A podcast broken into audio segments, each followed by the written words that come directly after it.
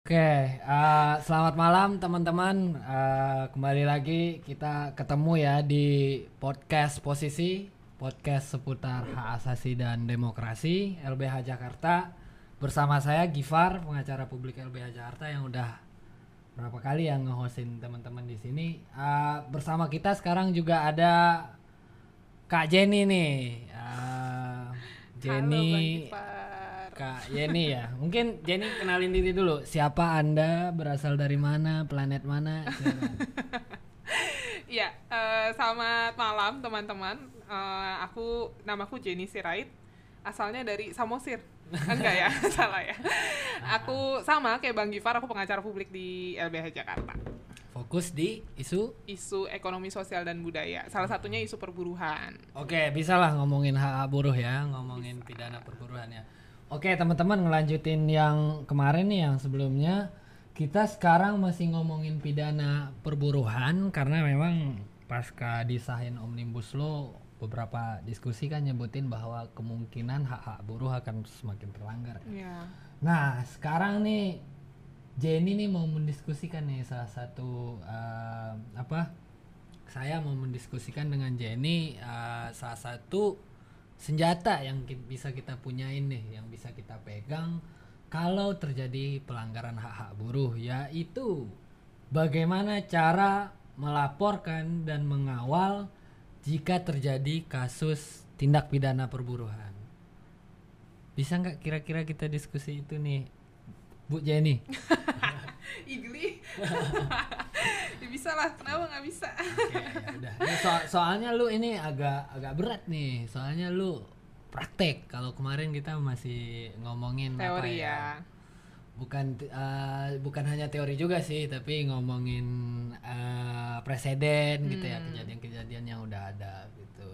Nah, mungkin Jenny cerita dulu kali ya di apa namanya? Eh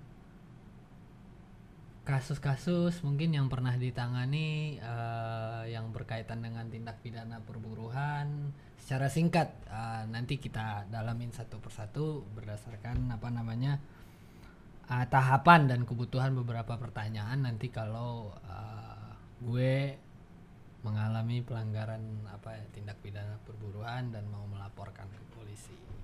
Oke. Hmm. Eh, mungkin kalau cerita sebenarnya LBH Jakarta punya cerita yang lebih panjang ya, Bang, soal uh, advokasi pidana perburuhan karena setauku juga advokasi pidana perburuhan tuh udah lama banget kan di LBH Jakarta. Tapi mungkin kalau ditanya eh, bisa cerita apa, ya mungkin cerita selama tiga tahun terakhir gitu ada di isu perburuhan gitu kan. Oke, tiga tahun banyak itu. Iya, iya. Tapi memang kalau kasus pidana perburuhan, kenapa? Ka- kalau sekolah SMA udah lulus gitu. Iya. Tiga tahun. Iya bener ya. Iya, eh, kalau pidana perburuhan tuh sepanjang aku ada di isu perburuhan ya, maksudnya di isu penanganan kasus ekonomi sosial dan budaya, itu tuh ada sekitar 10 kasus deh masuk Hmm, gitu hmm. kasus pidana perburuhan, macam-macam bentuknya. Eh, ada pidana upah, ada pidana union busting, ada beberapa. Terus kemudian juga ada eh, pidana BPJS juga ada beberapa gitu. Yang paling sering muncul sih itu gitu.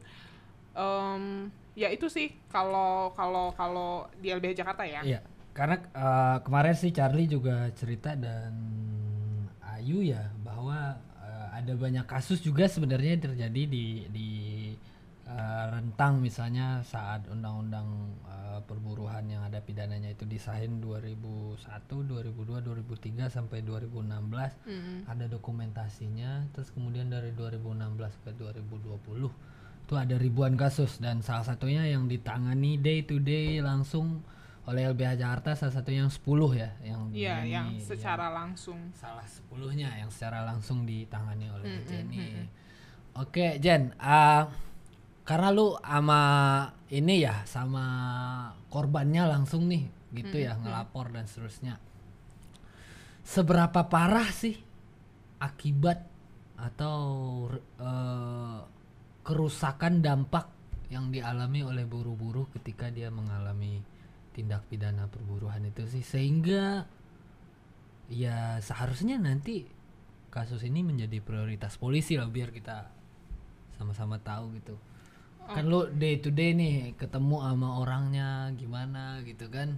Seberapa seberapa kalau misalnya uh, kita ngomongin pidana lain misalnya kan kayak korban pengeroyokan aja deh. Ya parah banget dia sampai luka-luka dan seterusnya nih. ini kalau pidana perburuan ini seberapa parah sih terhadap buruhnya gitu Oke, Eh, mungkin aku cerita yang paling ekstrim kali ya bang ya. Cerita yang paling ekstrim tuh pidana BPJS bang. ah, gimana? Nah, jadi ada salah satu buruh itu dia eh, dia sakit Hmm. gitu ya, dia sakit, dia eh, harus harus berobat gitu ya karena karena penyakitnya itu, tapi kemudian dia nggak bisa nggak bisa mendapatkan eh, pelayanan kesehatan yang baik karena ternyata perusahaan nggak pernah bayarin BPJS TK-nya dia. Di mana kan kalau BPJS TK itu kan ada empat ya, salah TK ini apa nih? SD BPJS ketenaga kerja eh, TK SD bukan ya. BPJS ketenaga kerjaan Ketenaga itu kan ada empat kan. Salah satunya adalah jaminan kesehatan. Hmm. nah itu nggak dibayarin sama perusahaan. Jadi dipotong nggak bayar BPJS oleh perusahaan dan dipotong. Ini pidana nih pidana.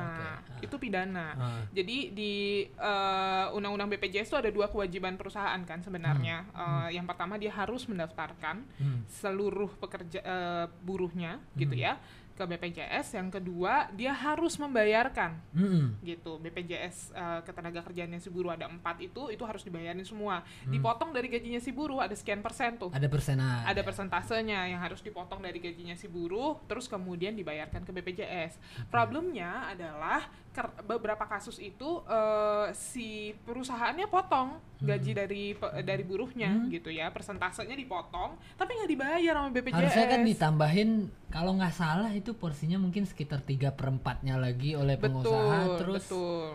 dia bayar ke BPJS-nya betul gitu ya. persis persis kayak gitu. Nah ini itu diambil seperempatnya. Tapi nggak dibayarin Aduh, ke? BPJS. Nah itu dia ke mana kita nggak tahu ya. Nah problemnya adalah ketika si buruhnya mau berobat gitu ya, apalagi dalam penyakit-penyakit tertentu yang memang butuh penanganan cepat, Hmm. Yang klien berobat. yang klien lo ini nih parah juga nih lumayan parah nih dia DBD waktu itu Astaga. Gitu. DBD dan udah sampai mimisan Hmm. gitu ya. Hmm, aku juga nggak tahu kondisi karena teman-teman tenaga medis yang tentu lebih tahu ya. Tapi dia udah sampai mimisan waktu itu demam cukup tinggi dibawa oleh istrinya ke rumah sakit tapi nggak bisa ditanganin karena eh, sorry nggak bisa ditanganin dengan BPJS Hmm. gitu ya karena nggak ada biaya.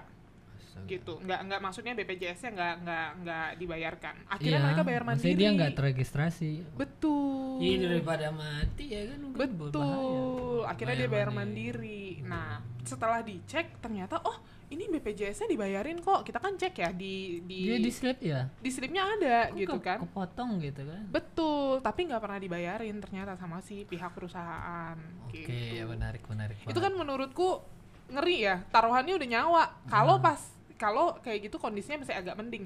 Dia masih punya duit gitu kan untuk berobat. Gimana kalau bener-bener nggak ada? betul gitu. Dia udah tiap bulan gajinya minus bayar cicilan.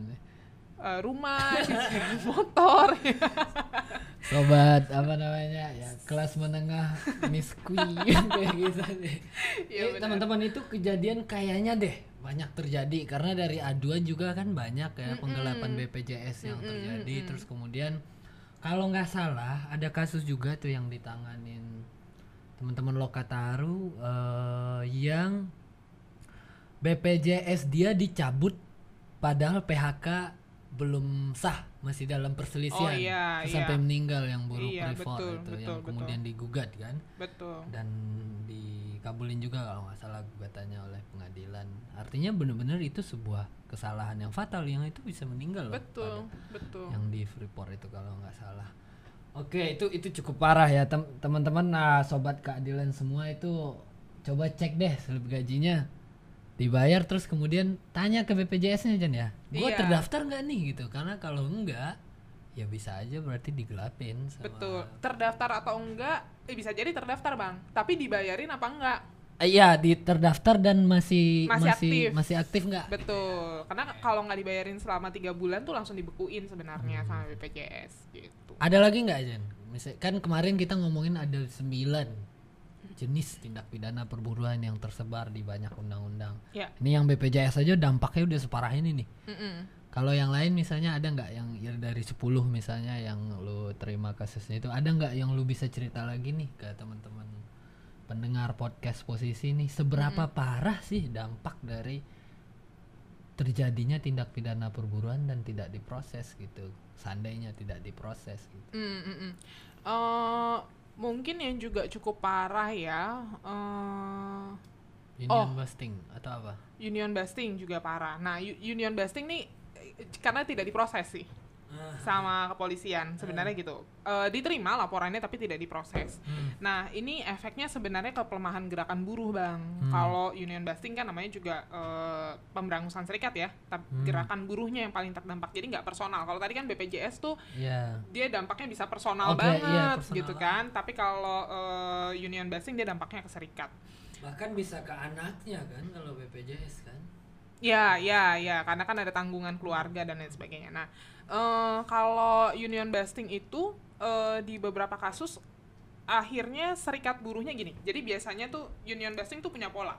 oke Polanya itu biasanya munculnya ketika si bisa diulangin lagi nggak union busting itu artinya apa Oke, union busting itu artinya pemberangusan serikat. Jadi upaya yang dilakukan oleh eh, siapa pun. Jadi barang kalau bahasanya itu barang siapa. Jadi bukan cuma perusahaan. Mm-mm. gitu ya bisa pihak-pihak lain untuk eh, supaya satu nggak ada kurang lebih ya gampangnya supaya nggak ada serikat Mm-mm. atau supaya kalaupun ada serikat serikatnya nggak eksis Mm. atau eh, ka- kalaupun memang serikatnya eksis begitu ya ada tapi dia nggak berani ngelawan eh, katakanlah ngelawan perusahaan gitu untuk mem- supaya buruhnya bisa punya posisi yang sejajar Oke. atau setara gitu ya upaya untuk mendapatkan posisi yang setara antara si pemberi kerja dengan penerima kerja Ya. itu kurang lebih pemberangusan serikat. Jadi supaya serikatnya itu eh, antara nggak ada atau Hmm. Biasanya motifnya apa supaya pemberangusan serikat ini?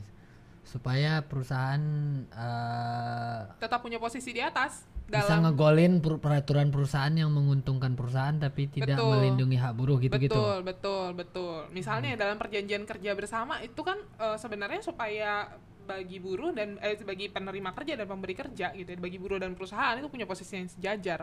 Tapi Hmm. kalau misalnya tadi ada upaya-upaya pemberangusan serikat, ya susah buat buruhnya untuk Hmm. punya posisi yang sejajar dong. Bahkan nggak bisa bikin PKB cuma peraturan betul, perusahaan doang ya. betul peraturan internal perusahaan gitu atau kalaupun ada PKB-nya PKB-nya bener-bener nyesekin buruh gitu itu Ya, kan ya. males banget kayak gitu Ya, gitu Kayak gini lah kira-kira ya. Kalau kayak undang-undang omnibus ya. ya nggak Gitu. nggak bisa diikutin sama kelompok-kelompok uh, masyarakat dan Betul. seterusnya akhirnya me- me- mencerminkan melindungi kepentingan si investor atau pengusaha, doang pengusaha gitu ya. betul jatuhnya kayak Oke gitu Jen, kita akan masuk lebih lanjut soal apa namanya dampak dari union busting ini pemberangusan serikat dan mungkin nanti ada kaitannya juga ya dalam proses pelaporan uh, tindak pidana perburuhan dan seterusnya. Mm-mm. Oke, karena kita hari ini fokus ngomongin how to ngelapor uh, dan mengawasi laporan tindak pidana perburuan di kepolisian nih. Uh, pertama mungkin sebagai orang yang awam ya, gimana sih kita bisa tahu atau apa yang harus kita lakukan pertama kali ketika kita jadi korban? Tindak pidana perburuan atau kemudian teman kita jadi korban kita yang tahu jadi saksi dan seterusnya. Mm-mm. itu gimana sih? Maksudnya kejadiannya biasanya kayak gimana dan kita harus apa dan seterusnya gitu Oke, yang pertama yang perlu mungkin ini juga udah dibahas sama teman-teman sebelumnya ya di di di podcast yang sebelumnya eh, kita harus tahu persis pidana perburuhan itu jenisnya apa aja. oke ya Itu menjadi hal yang penting ya karena banyak nih kayak misalnya apa ya eh oh sorry BPJS nggak dibayarin aja itu nggak banyak loh orang yang tahu kalau itu pidana. ya kalau kalau kita nggak tahu ya itu pelanggaran aja indisiplin aja Ya, jatuhnya jadi kayak pahami. gitu. Jatuhnya jadi kayak gitu gitu kan. Eh tidak membayar upah lembur juga. Kita selama ini berpikirnya ah enggak itu kalau misalnya nggak bayar nggak bayar upah lem- lembur ya ya tadi indisipliner doang gitu sebenarnya.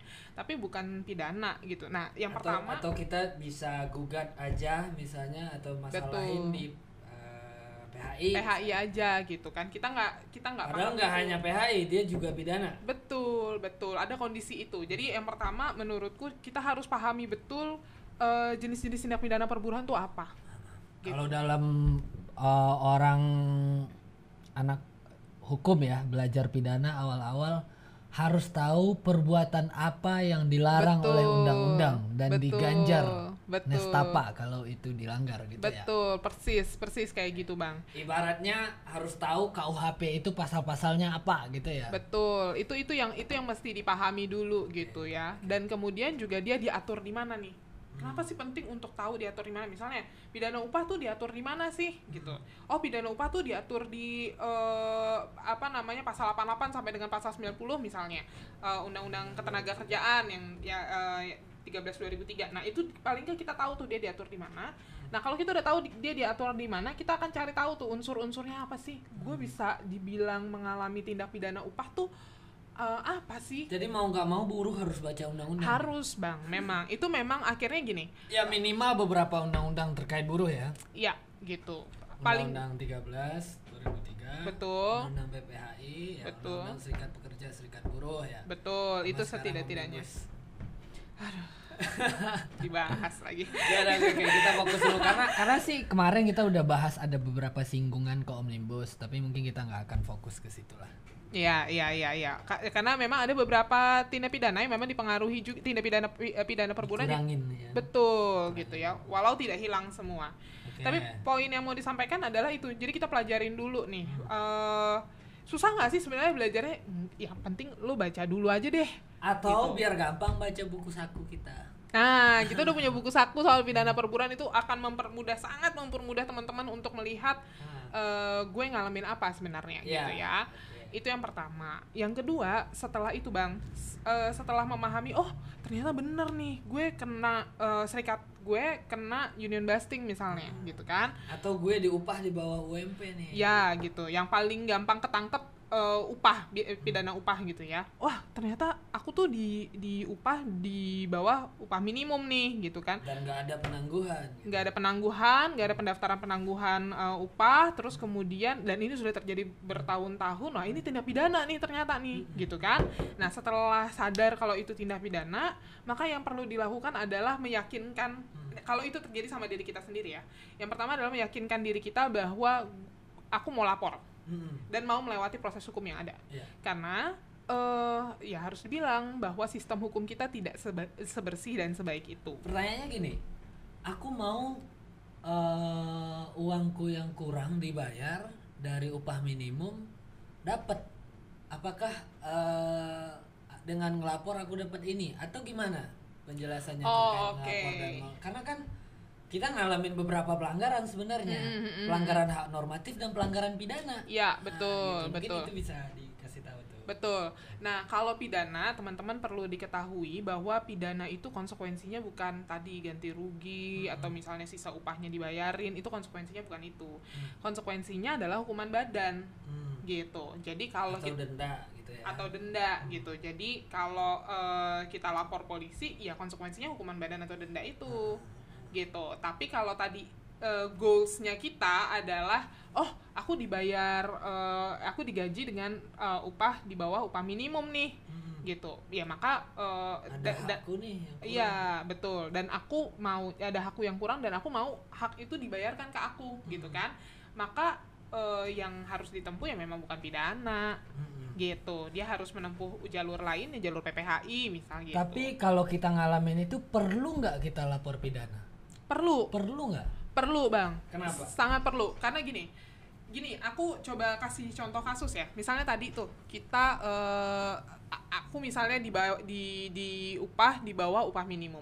Aku realize nih kalau eh, aku dibayar eh, di digaji di di bawah upah minimum gitu kan selama 2 tahun misalnya gitu ya. Setelah aku realize maka yang oh aku maunya tuh eh, sisa gajiku dibayarin Mohon maaf, realize itu maksudnya kita insaf sadar ya. sadar Oke. ya kan gitu oh eh, aku maunya itu di, di dibayarin maka ya tempuh upaya PPHI tadi tapi Hmm. apakah harus menempuh upaya pidana juga harus kenapa karena itu tindak pidana ya pida ba- eh, karena itu tindak Dan pidana ke PPHI yang dibayar lu doang. betul Temen-temen lu kagak. satu yang kedua juga gini eh teman-teman mas kita semua mesti menyadari bahwa pembayaran upah ka- kayak tadi ya karena kita ngomongin konteks upah. Pembayaran upah di bawah upah minimum itu terjadi hampir di seluruh tempat di Indonesia gitu. Kalau kita cuma tempuh upaya PPHI kelar di kita betul kata abang. Tapi kalau misalnya kita lapor pidana nih teman-teman problemnya adalah eh, kalau itu diproses sama kepolisian dan kemudian ada dua kasus memang eh, aku lupa kasus apa itu yang karena dia bayar di bawah upah minimum pengusahanya dipidana bang Hmm, ada Diputus. di, di Surabaya dan di Bandung betul betul betul itu diputus sampai kemudian si perusahaannya dipidana nah itu jadi gembor banget tuh perusahaan-perusahaan pada takut ya takut, gitu Takut, kan. kan? Wah gila, ternyata gue tuh bisa bisa ya dipenjara ma- nih perkara ini begini. loh, lu so- sebagai seorang presdir sebagai seorang direksi Betul. kan daripada gue masuk penjara enam bulan setahun Ketahuan gue gua bayar dia gitu punya ya. upah gitu kan. Nah itu itu mesti di- dilakukan. Jadi supaya tadi itu karena pidana perburuhan ini masalahnya struktural ya. Jadi nggak bisa diselesai nggak bisa dilihat dari konteks kitanya doang, tapi kita mesti lihat supaya eh, kejadian yang sama tidak berulang. Maka pidana perburuhan menjadi pintu keluar sebenarnya terhadap permasalahan struktural ini gitu. Ya, salah satu oke balik ke tadi nih Jan berarti uh, kita harus tahu dulu nih motivasi kita ya kita Ya. mau apa dan apa apa uh, urgensi dan konsekuensi dari ngelapor gitu Betul, ya betul, betul. terus selanjutnya yang harus yang harus diperhatikan kalau kita mengalami atau menjadi saksi tadi apa? Nah, kalau kita mengalami atau menjadi saksi tadi, ya tentu eh, perlu disadari gini, tadi ya, eh, sistem sistem hukum kita tuh nggak sekece itu, bang, gitu. Eh, dalam sem terutama bagi teman-teman buruh ya, gitu ya, eh, termasuk juga pidana perburuhan menurutku karena secara umum terhadap rakyat kecil secara umum terhadap rakyat kecil. Karena kita lagi ngomongin buruh dari tadi gue fokusnya di buruh doang nih. Iya, Tapi ya kita harus bilang secara umum terhadap rakyat kecil memang sistem hukum kita nggak sebagus itu. Nah problem ini yang kemudian menghadirkan problem lainnya dalam pidana perburuhan. Eh, Teman-teman tadi itu harus benar-benar yakin bahwa teman-teman akan akan akan melakukan pelaporan nih. Kenapa? Karena prosesnya cukup panjang, proses hukumnya cukup panjang. Teman-teman harus siap betul di situ gitu. Nah, eh kenapa bisa proses hukumnya cukup, cukup panjang? Karena kita nggak punya sistem hukum yang kece badai tadi itu, gitu. Sistem hukumnya kita jelek banget, masih bolong di mana-mana. Itu Ya, tapi kenapa mesti masih mesti ngelapor? Kenapa masih urgen harus melapor? iya, ya, tahu nih sistem hukumnya tai gitu. iya. Yang pertama tadi itu bang, tadi sebenarnya udah disinggung ya, Eh, ngelihat bahwa kasus eh, permasalahan pidana perburuhan tuh masalah yang struktural, itu yang pertama. Itu poin pertamanya. Yang kedua adalah eh, ketahuilah teman-teman bahwa orang gampangnya gini deh, orang tuh di mana-mana dilaporin pidana tuh udah pasti panas dingin bang. Hmm, hmm. Ah, gitu. Iya, Iya, iya. kan? Udah pasti panas dingin. Katakanlah tadi misalnya dalam pidana upah, oh gue udah eh, proses nih tempuh upaya PPHI-nya gitu. Terus udah diputus nih misalnya si Hmm. si pengusaha harus bayar sekian. Nggak dibayar-bayar sama dia sampai 2 3 tahun ya Iya, kan? hmm. Nah, dia lapor polisi. Akhirnya si buruhnya memutuskan untuk lapor polisi. Nah, itu tadi sebenarnya logikanya. Wah, gara-gara gue nggak bayar dia punya sisa gaji sekian, gue masuk penjara gitu kan. Nah, itu sebenarnya untuk menekan pemenuhan hak buruhnya secara Hmm. secara material gitu. Ya, ya, ya. Karena kan ini tindak pidana ya, pelanggaran ataupun kejahatan yang sebenarnya kalau dari orang-orang pidana nih ngomongnya untuk mengembalikan ketertiban gitu ya, Betul. supaya pengusaha kembali patuh dan Betul, seterusnya. gitu ya. persis, persis, Bang. Oke, nah, jadi kalau misalnya nih kayak contoh lu tadi Jen, berarti ada eh, eh, teman kita atau kita sendiri nih yang ngalamin eh, penggelapan BPJS, yang Hmm. harus dilakuin itu pertama kali apa?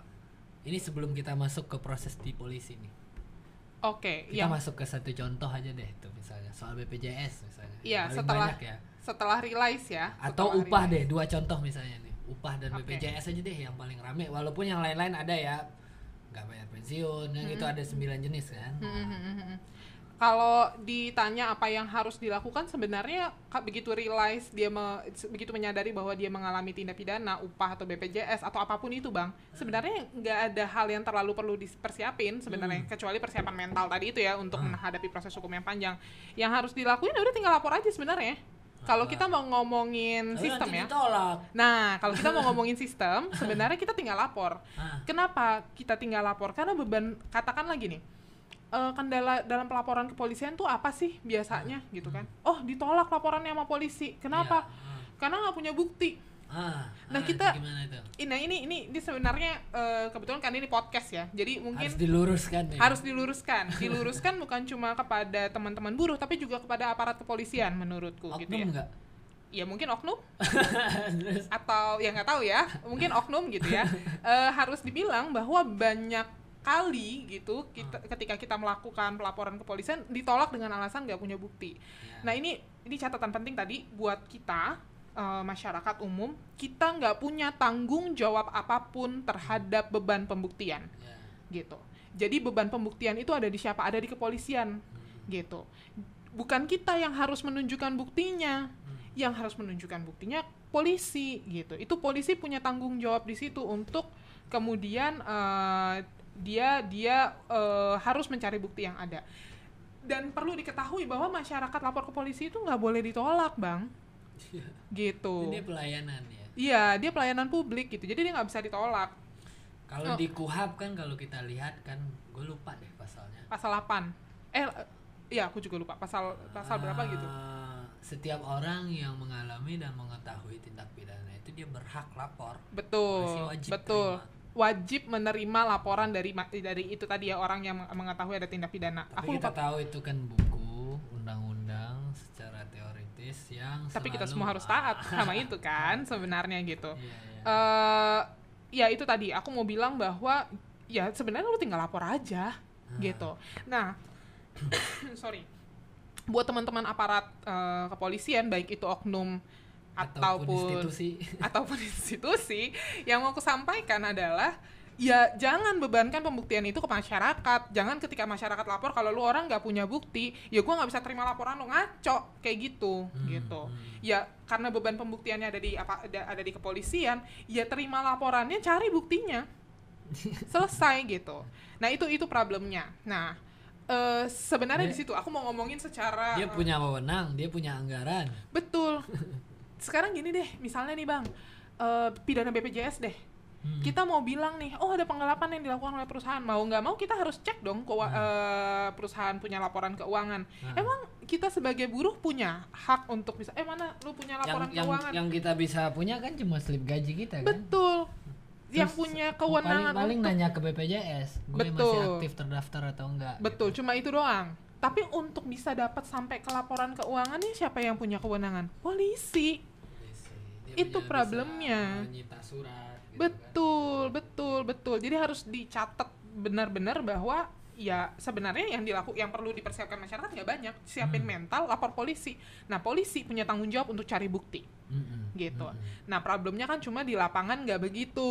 Ah, ah. Nah, gitu itu. Itu mungkin kalau ngomongin problem Ini lapangan gimana lain nih lagi. kalau berstrategi supaya laporan kita diterima Oke, ini berarti Ah. ngomongin eh, prak prakteknya Supaya ya. ngebantu polisi lah gitu. ya anggaplah mem- membantu polisi sekali lagi baik secara oknum maupun institusi.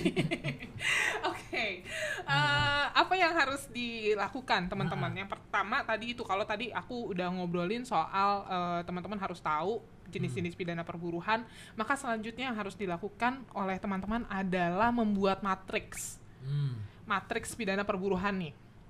Apa tuh matriks pidana perburuhan? Oke, jadi misalnya eh, teman-teman realize nih kalau eh, menyadari bahwa teman-teman, oh gue mengalami tindak pidana upah nih, Hmm. maka teman-teman harus bikin tabel, Hmm. tabel yang memang bicara soal pidana perburuhan. Agak repot. Agak repot, memang, karena kan kita lagi bantuin tadi, bantuin polisi, ngebantuin orang emang agak repot bang di mana-mana, ya Hmm. kan?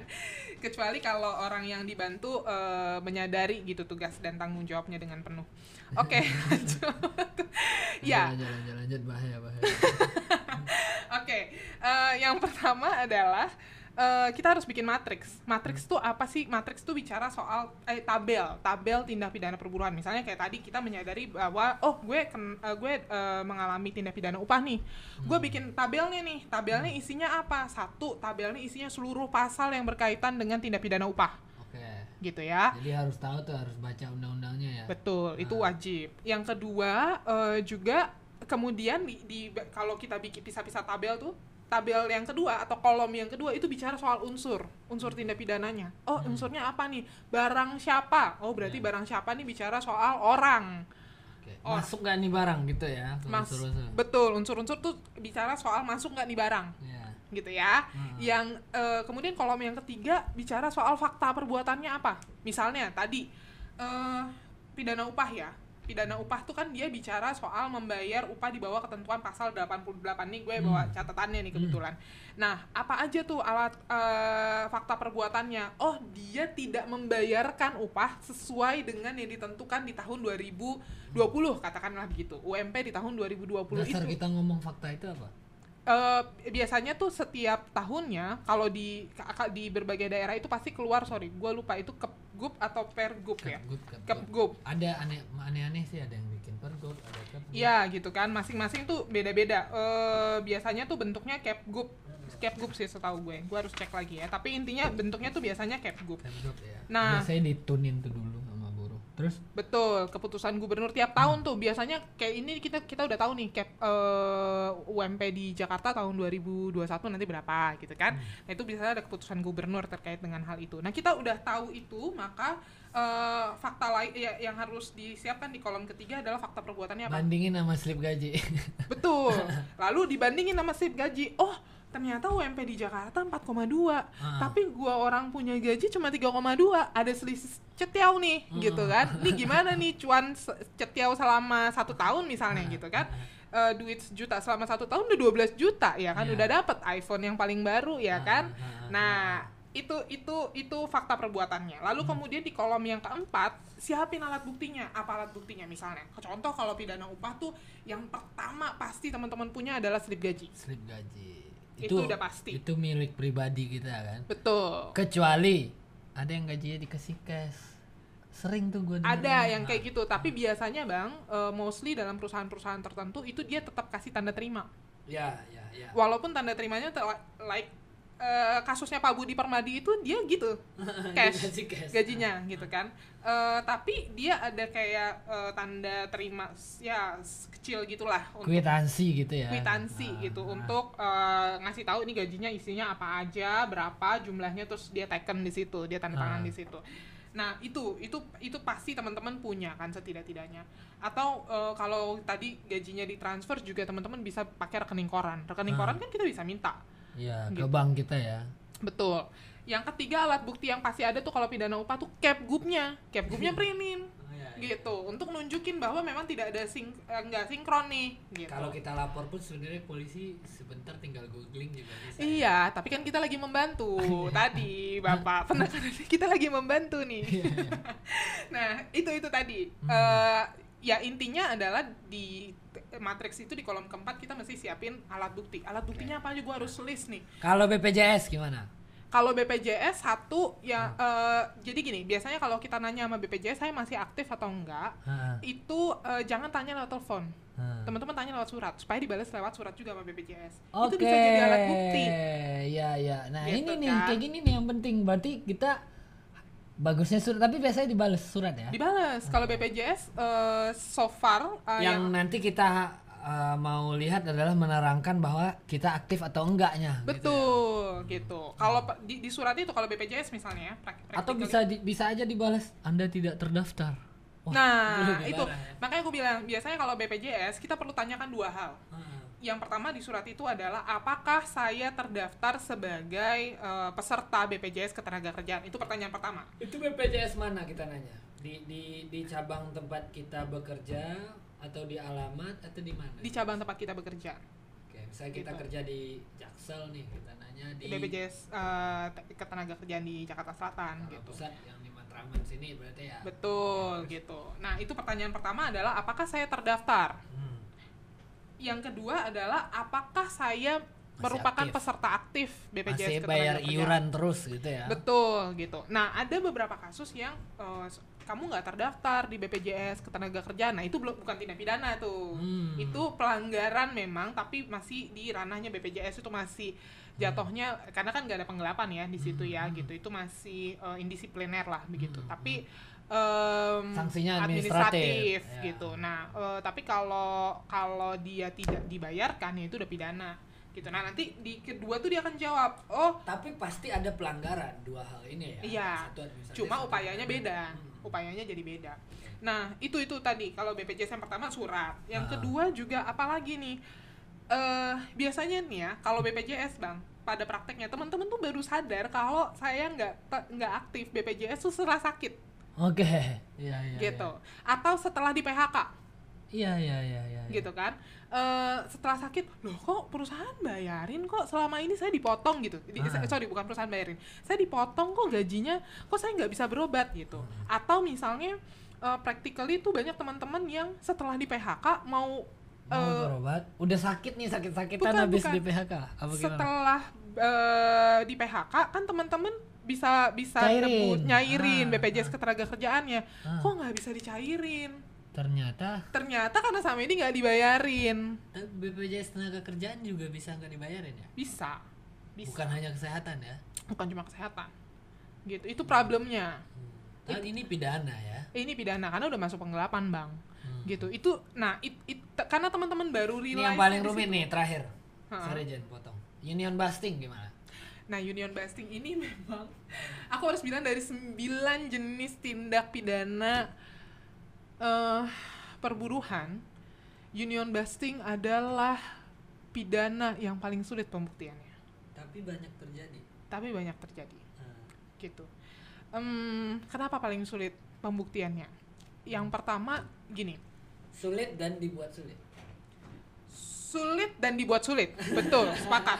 Karena secara struktur aturannya pun itu bener-bener dia nyebutin kan spesifik perbuatannya apa aja yang sebenarnya perbuatan itu bisa jadi terjadi bukan hanya karena ada union busting. Hmm. Misalnya PHK, Hmm.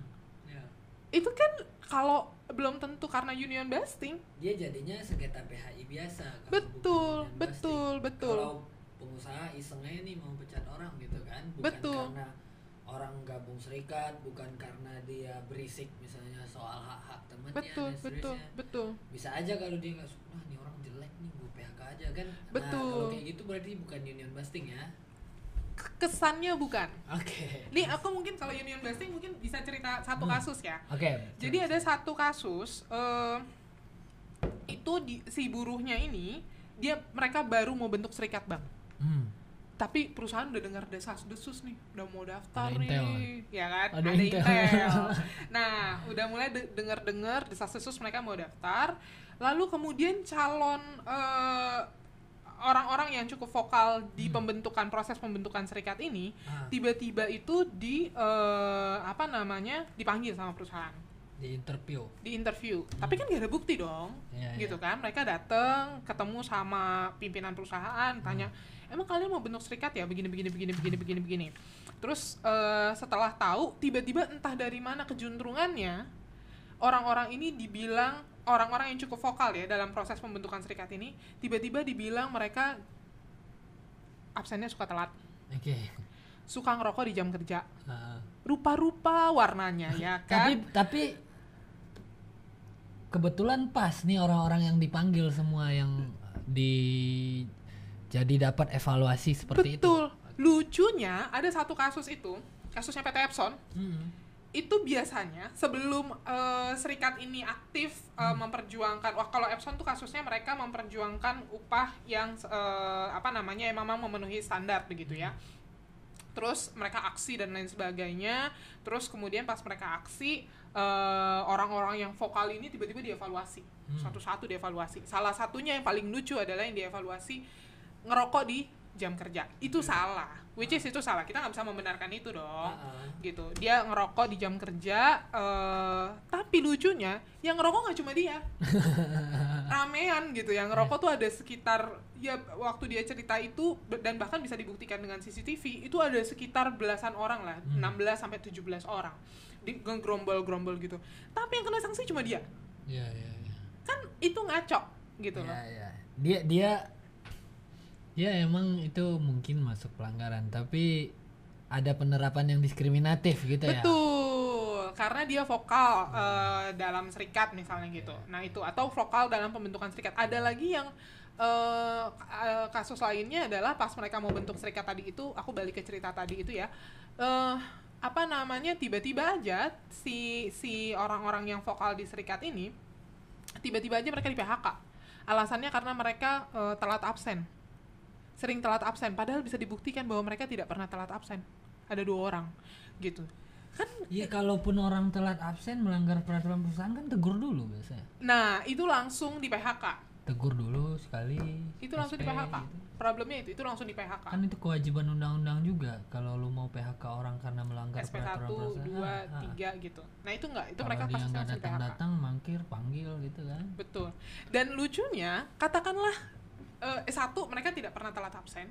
Yang jadi kayak kesalahan yang dibuat-buat gitu loh, Bang. Atau kalaupun memang ada kesalahannya ya diperla- diberlakukan secara diskriminatif Oke, ini itu. union busting. Nah, Ini gimana kita busting. nih kalau mau ngelapor, apa yang mau kita kolek? Apa yang harus kita kumpulin nih ngebantu? Oke, eh, ngebantu. ya sekali lagi ya proses pembuktian union busting tuh teman-teman harus sabar, tenang dan benar-benar ngerijit gitu ya. Apa yang bisa menunjukkan itu?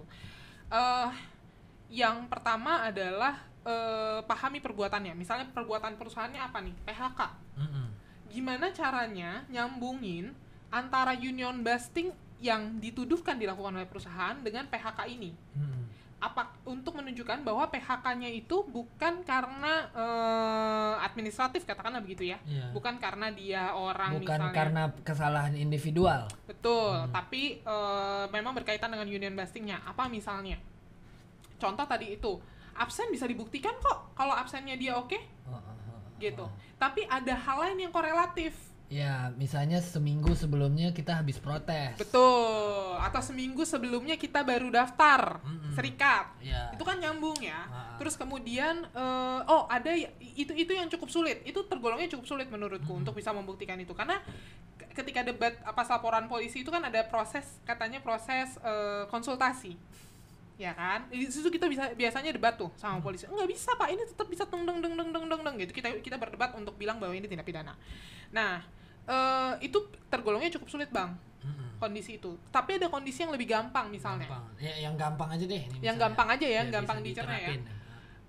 ada satu kasus eh itu kayaknya sebelum aku di LBH tapi aku pelajarin kasusnya itu jelas perusahaannya ngomong Hmm. bahwa upaya pembentukan serikat adalah eh, Melawan apa? bentuk bukan dia bilangnya gini Membangkang. adalah eh, bentuk penyesatan terhadap ketaatan bur pe- pe- bentuk penyesatan dan eh sorry adalah sorry sorry maaf maaf jadi dia bilangnya gini eh, serikat buruh adalah organisasi masyarakat yang menyesatkan di PT bla bla bla bla bla Ah. itu kan udah Padahal jelas serikat buruh mention. itu kan dilindungi undang-undang. Betul boleh. betul nah karena waktu sesat. itu problemnya adalah kalau aku lihat pola secara politis ya waktu itu eh, waktu kasus itu terjadi ada sensitivitas tertentu terhadap organisasi kemasyarakatan Ah. jadi bahasa ormas itu seolah-olah tuh netting aja bawaannya Ya, gitu ya, ya. Nah kata-kata itu digunakan tuh sama perusahaan waktu itu itu kan udah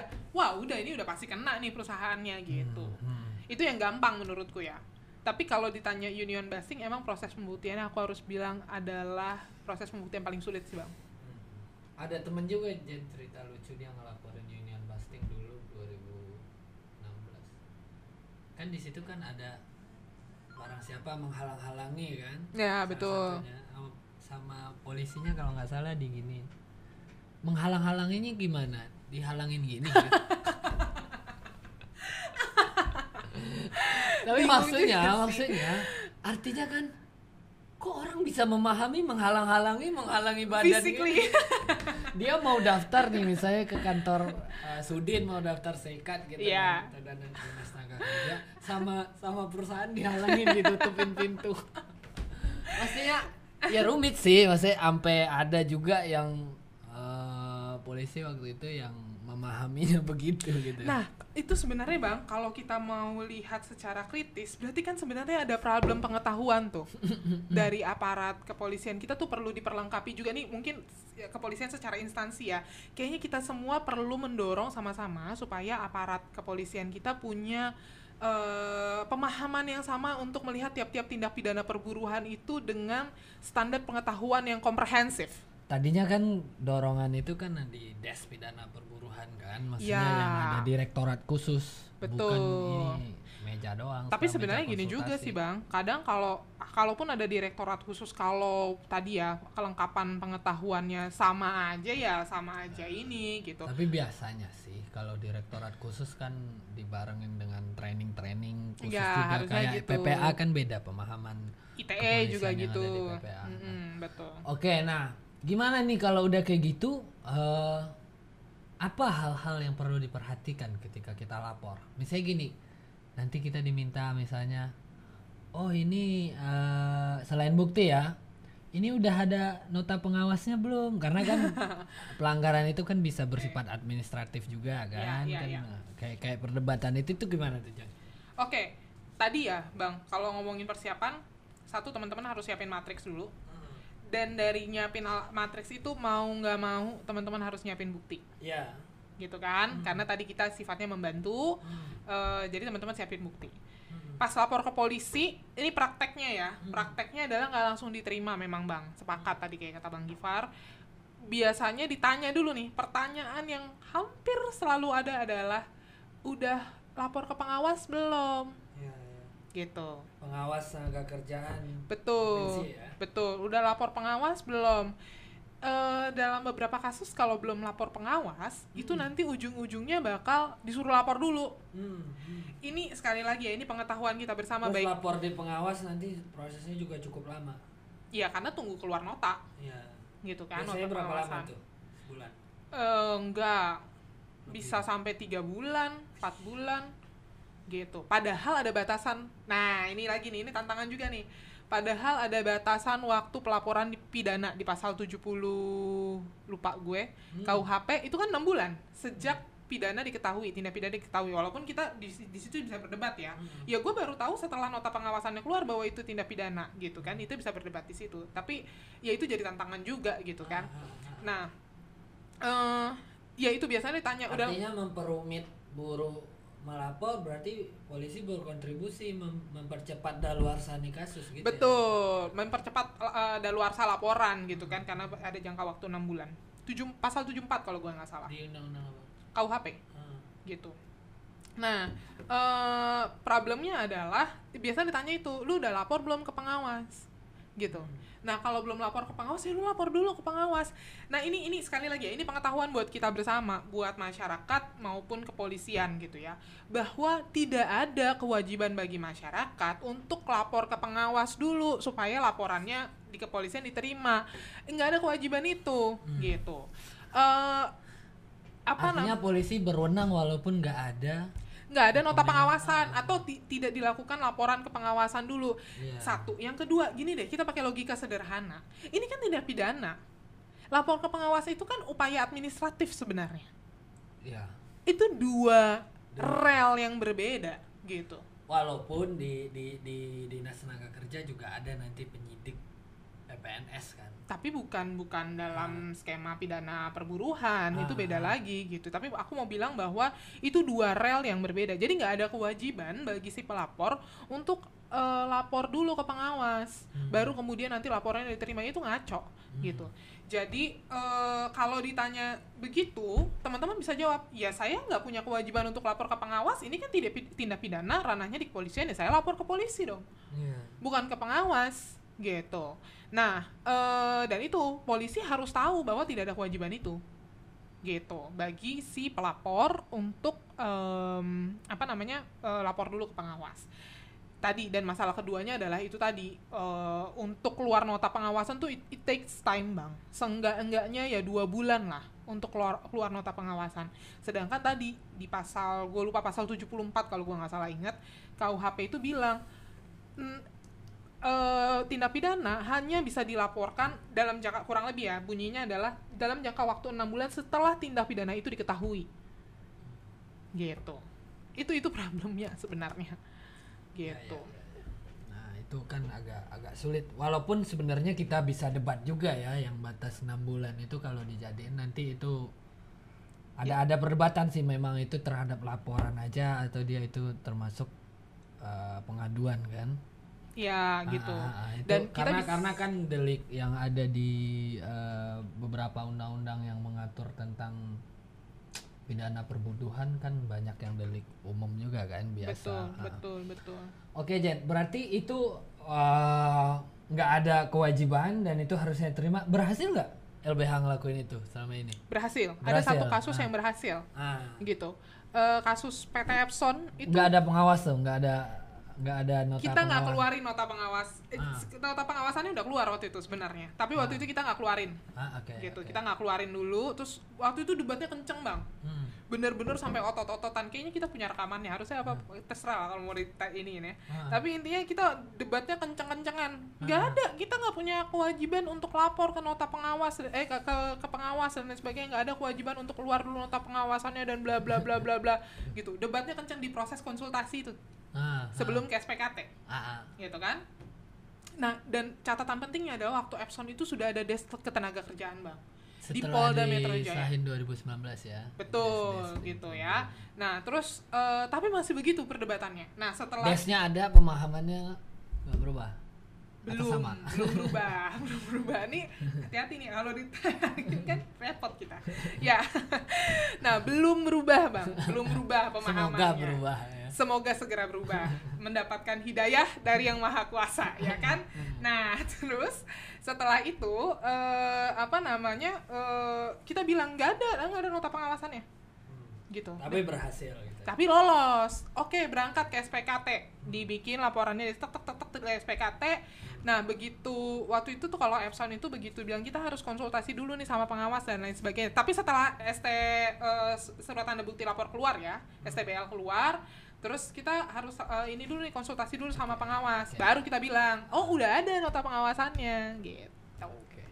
Nah, udah berhasil nih lapor gitu kan proses lah misalnya pengusahanya dipanggil udah sakit perut pengusahanya kan Demam, gitu, ya kan? demam itu mau masuk penjara nggak bisa ngurus bisnis karena emang ada kesalahan yang dilakuin dan terbukti gitu kan dan Betul. itu tergolong pidana gitu kan prinsip hukum kan equality before the law ya Betul, atau semua orang sepakat. sama di mata hukum mau pengusaha pengusaha sendiri lah lu kalau lu melakukan kejahatan lu bisa diancam penjara dan Betul. seterusnya gitu kan nah gue denger denger nih setelah laporan diterima dan seterusnya biasanya kan ada tantangan-tantangan ada godaan-godaan yang kemudian itu berpengaruh juga ya terhadap keberhasilan advokasi pidana pengupahan ini atau pidana perburuhan secara umum gitu.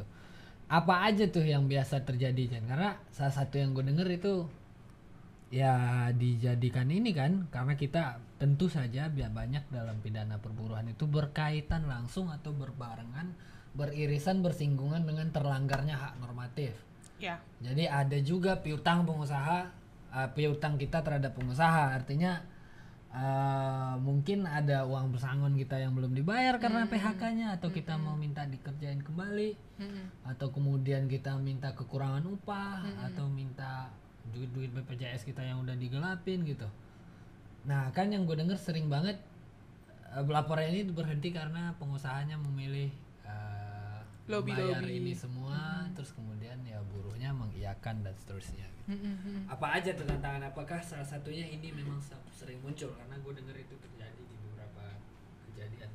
Ya, tantangan yang pertama adalah tadi betul lobby-lobby gitu ya. Eh, dalam hal pidana perburuhan sekali lagi teman-teman eh, kita perlu jadikan catatan bersama bahwa eh, memang ada kondisi yang beririsan langsung dengan tadi hak normatifnya kita, tapi juga ada kondisi pelanggar, ad- ada kondisi stru- eh, ketimpangan struktural ya antara pengusaha dengan buruh saat ini gitu dan pidana perburuhan menjadi salah satu alat untuk menaikkan posisi tawar buruh sebenarnya di hadapan eh, pengusaha gitu ya.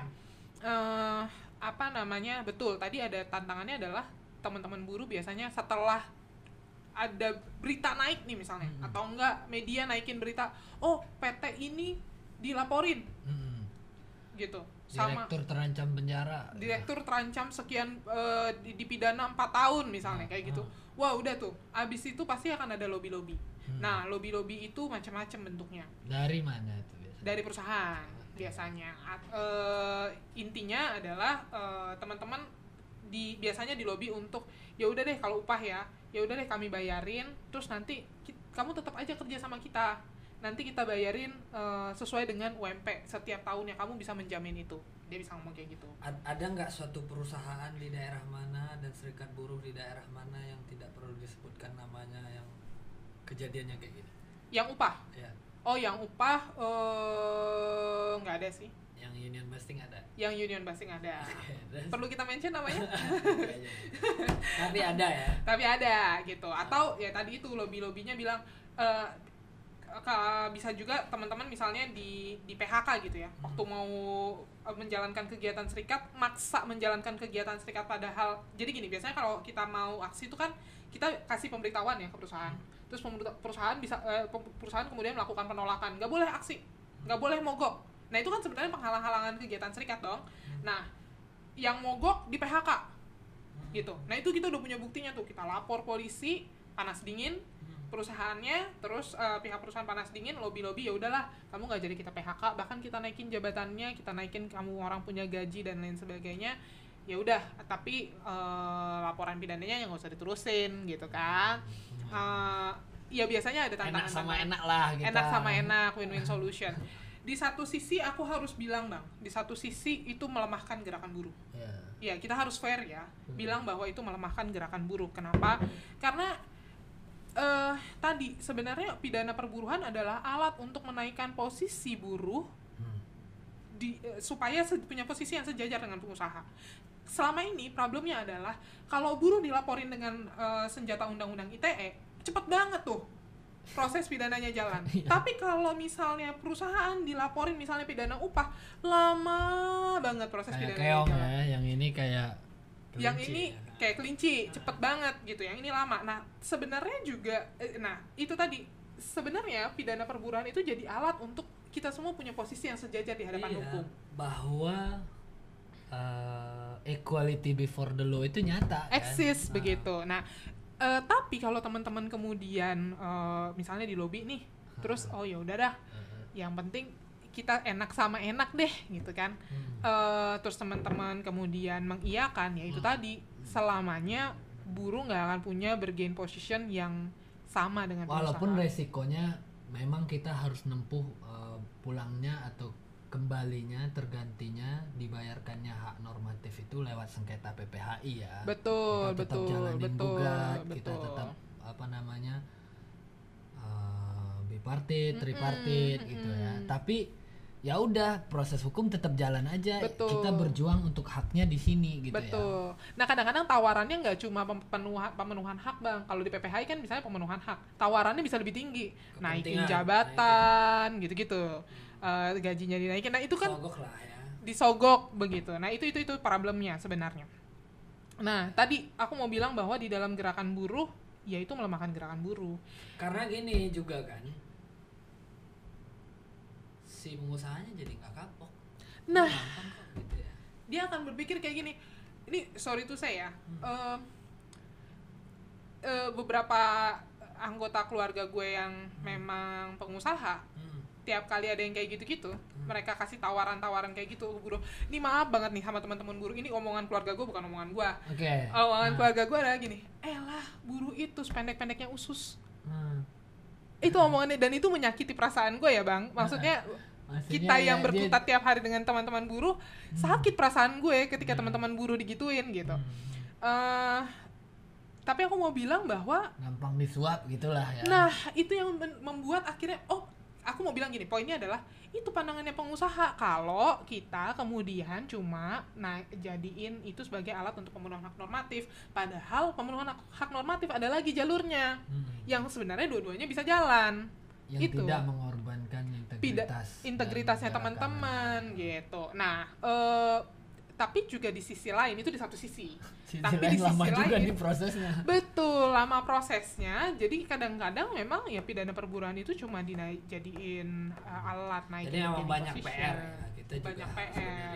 di PPHI yang nggak patuh undang-undang juga tuh prosesnya bisa lama dan Betul. padahal ada batasan waktu dan terakhir nih Jen Betul. kan biasanya kan justru karena kita lapor pidana perburuan kita jadi dikriminalisasi atau kita digugat itu ada tuh kejadiannya buruh lapor kan atau Gugat baru PMH. mau lapor digugat dua puluh lima miliar Ya, iya. Nah kayak gini-gini itu gimana tuh ngadepinnya? Kan artinya gini, supaya buruh tuh tahu atau teman-teman tuh tahu semua one on one gitulah seluruh hal soal pidana perburuhan termasuk resiko lu nanti bakal dikriminalisasi dan digugat. Nah gimana tuh mitigasinya kalau dari pengalaman LBH? Kalau dari pengalaman LBH, kalau PMH Ngadepin lagi? adepin aja. Kenapa? Karena dari semua lapo, eh, gugatan PMH terkait dengan pelaporan pidana perburuhan udah pasti perusahaannya kalah. Iya. iya. Itu- Ka- karena ngada-ngada ya dasarnya nggak kuat ya. Betul. Selama eh, hampir tiga tahun ya jadi PP di LBH Jakarta, bang, itu udah ada dua kasus. Oh sorry sama ABH tiga sama waktu gue jadi asisten pengabdi bantuan hukum ya. Itu udah ada tiga kasus dan tiga tiganya kita menang. Iya. iya. Gitu. Kenapa? Dan menangnya bang, sorry itu saya menangnya tuh di di tengah di pu- putusan sorry. Ya, ya. Ya ibaratnya gugatannya nggak nggak sah secara formil lah. gitu. Betul gitu. Di, di da- dari situ kita kita kita udah bisa menang. Nah, kenapa? Karena dia kita gampang banget ngelawanin. Kita tinggal bilang, "Loh, proses pidana perburuan itu diakui dalam undang-undang. Ya, Kasih tahu pasalnya di ya. mana." Ah, Gitu. Dan eh, ka- kita jajarin pasalnya di mana, itu proses yang diakui oleh hukum dan da- apa- dan itu tidak memenuhi unsur PMH. PMH kan punya unsur. Kalau kriminalisasi, kalau kita dilapor balik Nah, kalau kita dilapor balik, ya kalau idealnya lawan, sejauh tidak ada blunder. sejauh tidak ada blunder. nah itu tuh mesti teman-teman mesti hati-hati juga memang. Eh, tap- Biasanya kan ada blunder yang baru dikeluarin pengusaha kalau kita teriak kan. Betul. Misalnya kita pernah dulu ngegelapin apa gitu kan. ya atau misalnya eh, dibilang lah kita eh, oh biasanya paling gampang nih undang-undang kita ya bang. Ya, ah ya parah. Paling gampang tuh itu. Misalnya nih Paling kita karet lah. paling karet. Oh mau pas mau bentuk serikat di PHK terus kita aksi di depan perusahaan kita bikin kami adalah korban PHK karena membentuk serikat. Di foto Ah. masuk misalnya masuk Instagram atau masuk ya Instagram lah ya atau Twitter gitu ya terus Masuk media elektronik? media elektronik terus sama perusahaan di capture laporin polisi. Pencemaran nama baik dengan media elektronik. Bisa ditahan. bisa ditahan. Nah it- itu itu yang itu yang itu yang kerap kali sering digunakan. Nah apa yang perlu dilakukan ya nggak ada cara lain lawan Hmm. gitu memang harus dihadapi prosesnya. Orang-orang kayak nge-tweet biasa aja ngeritik omnibus juga bisa kena. Betul. Ngeritik ID si Jering bisa kena. Tapi maksudnya gini apakah kita diam dengan resiko itu? Tentu enggak gitu. enggak kan. dong kita lawan nah Dan tantangan juga harusnya sih gue ngelihat juga ya apakah sama nih di dalam pidana perburuhan. Ya kurang-kurangin blunder, maksudnya yang nggak perlu misalnya eh, katakanlah nih ada eh, alat kantor, gue pernah soalnya terima pengaduan begini, ada alat kantor kayak HP gitu ya, dipakai sama dia nih alat kantor. Ya terus rusak gak dikasih tahu ke perusahaan. Terus diganti aja sama HP baru tapi agak lebih jelek. Ya sama perusahaan nanti dianggap itu penggelapan. Betul. Nah, maksudnya blunder-blunder kayak gini Betul, kurangin gitu. betul. karena itu bisa sampai akhirnya itu kawan-kawan serbuk kalau nggak salah yang eh lupa apa satu lagi yang ngalamin hal ini. Terus akhirnya ngegantung jadi laporan polisi jadi bahan kriminalisasi dan seterusnya. Atau di hal lain gue juga pernah dengar eh apa namanya pas mau mogok misalnya tapi nggak eh, ngasih pemberitahuan gitu padahal Ya, kita tahu itu ya. harus. Ya ya sementara kita emang nggak ada kekerasan murni menjalankan hak tapi blunder aja nggak ngasih pemberitahuan betul kan bahaya betul. itu gitu-gitu. juga bahaya. Ya itu itu. Ya betul bang. Gua sepakat. Dan itu umum sih di semua tindak pidana juga kita harus kayak gitu kan. Harus kurang-kurangin blunder. Tapi juga ada tantangan penting nih bang. Eh, sebenarnya di di pelaporan kepolisian itu masalahnya tidak selesai setelah teman-teman eh, laporannya diterima. Ya. Masalahnya tidak selesai sampai di situ. disidangkan nih pelaku nih. Sampai proses eksekusi Iya. putusan pengadilan gitu. Nah eh, tadi tantangannya setelah itu apa tadi? Lobby lobby eh, Bang Jali gitu kan dari perusahaan supaya kemudian nggak dilanjut nih proses pidananya gitu kan. Atau ya digantungin aja deh misalnya gitu. seandainya lanjut nih biasanya kan kekeh tuh. Buruh kekeh lah katakanlah buruh kekeh nih teman-teman bisa insist bisa mempertahankan eh, apa namanya? Nggak mau di lobi lobi bang Iya. Jali tadi tuh. Ah, ah. nah. Kan harusnya prosesnya lanjut tuh. Nah, Nah. supaya bi- bisa nggak undo delay atau berlarut-larut prosesnya itu gimana tuh caranya? Betul. Nah aku mau masuk ke tantangan yang lainnya. Tantangan lainnya adalah eh, ini kerap kali dalam eh, setelah eh, LP itu diterima kemudian prosesnya di undo delay. Iya itu problemnya. Eh ya paling gampang gini sih dari tahun 2019 sejak ada des ketenaga kerjaan kan harusnya udah ada gue nanya deh sejak tahun 2019 itu udah ada belum pengusaha yang dipidana? Belum ada bang. Belum ada. Sama sekali. Jakarta nih ya? Di Jakarta. Kan karena Polda Metro Jaya Jabodetabek Jabode Tangerang ada beberapa yang enggak. Iya, iya, ya gitu kan. Itu eh, wilayah Walaupun hukumnya di di daerah lain pernah ada yang sampai dipidana tanpa ada pidana eh, des ya? Ya Di Surabaya Surabaya Bandung gitu ya. betul. Tapi kalau di eh, setelah ada des ketenaga kerjaan di di Polda Metro Jaya as as much as I know nggak ada. Gitu belum ada yang memang diproses sampai tadi itu ya sampai perusahaannya di di eh, pihak perusahaan dipidana. Eh, terus apa lagi Nah itu tadi undo delay itu bang, itu Hmm. problemnya. Nah gimana sih caranya supaya nggak undo delay? Hmm. Nah itu kan tadi tantangannya adalah undo delay. How to gimana solve it? gimana caranya Satu teman-teman harus minta eh, eh, eh, ngajuin permohonan SP2HP. apa tuh Gitu. SP2 HP Nah SP2HP nih, gue sebenarnya gue bikin catatan-catatan juga eh, terkait dengan hal ini. Jadi yang S- perkembangan kasus ya Betul, SP2HP itu adalah surat pemberitahuan perkembangan hasil penyidikan. Itu haknya teman-teman, Bang. Nah, Gitu. hak pelapor Hak pelapor. Gitu. Teman-teman harus dapat ini tuh. Kalau dulu tuh sempat ada aturannya gue lupa perkap kayaknya. Jadi kalau tindak pidana yang tergolong ringan itu satu bulan, sedang itu dua bulan, berat tiga bulan. Nah sekarang tuh kayaknya perkapnya udah ganti Hmm. Gitu. Nah, tapi eh, kalau kita ngomongin standar pelayanan publik ya 10 hari setelah laporan diterima lu orang harus 10 hari kerja.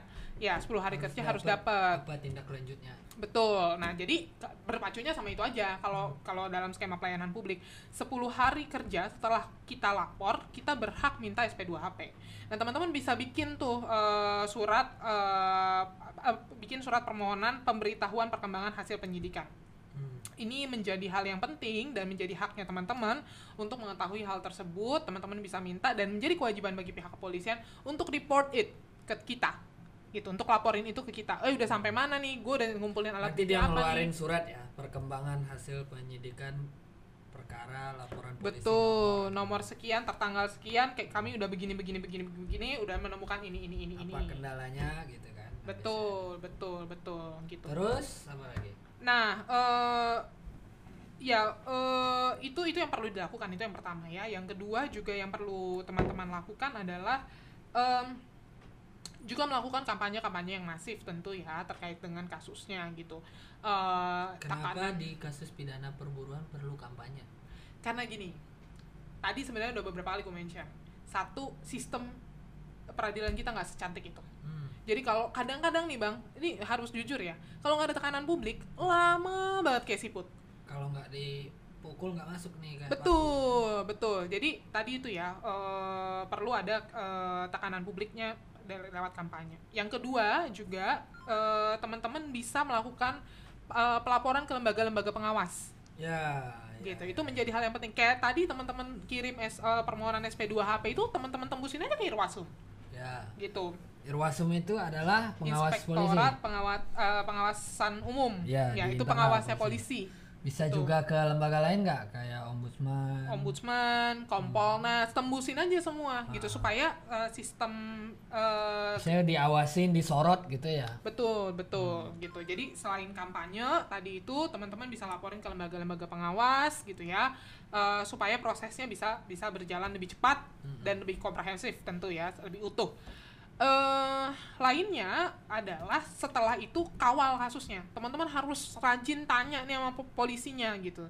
Biasanya tuh kalau kalau teman-teman udah terima STBL surat tanda bukti lapor tuh teman-teman dikasih nomor tuh di bawahnya. Hmm. bisa tanya kalau mau tahu perkembangan kasus bisa tanya ke nomor ini. Walaupun setelah ditelepon nggak diangkat-angkat Ya, tapi maksudnya intinya kita tuh juga persisten nanyain terus ya. Betul kita masih tanyain terus sampai kemudian kasusnya tadi itu P21 P21 itu pelimpahan berkas perkara ke kejaksaan Ah. setelah pelimpahan berkas ke perkara keja- ke kejaksaan itu memang nggak akan lama sih Ah, untuk dilimpahin ke pengadilan sidang. betul nah eh, tapi di situ juga perlu pengawasan bang Ya. jadi menurutku Nanti teman-teman pasalnya dipakai sama jaksa tuntutannya pasalnya yang kecil banget lagi. Betul. Nah, itu juga perlu pengawasan. Jadi teman-teman bisa laporin ke bisa bisa minta Pengawasan. pengawasan juga gitu ke lembaga-lembaga pengawas tadi. Kalau jaksa berarti komjak bisa ya. Komjak betul, Komisi Kejaksaan. Lalu kemudian eh, pun setelah dilimpahkan ke pengadilan sama, teman-teman bisa report ke lembaga pengawas, teman-teman bisa bikin kampanye yang masif. Teman-teman awasin terus prosesnya. Karena kan gini, nanti kalau pidana itu, Bang, eh, kan nggak kayak perdata. Kayak kasus novel aja deh.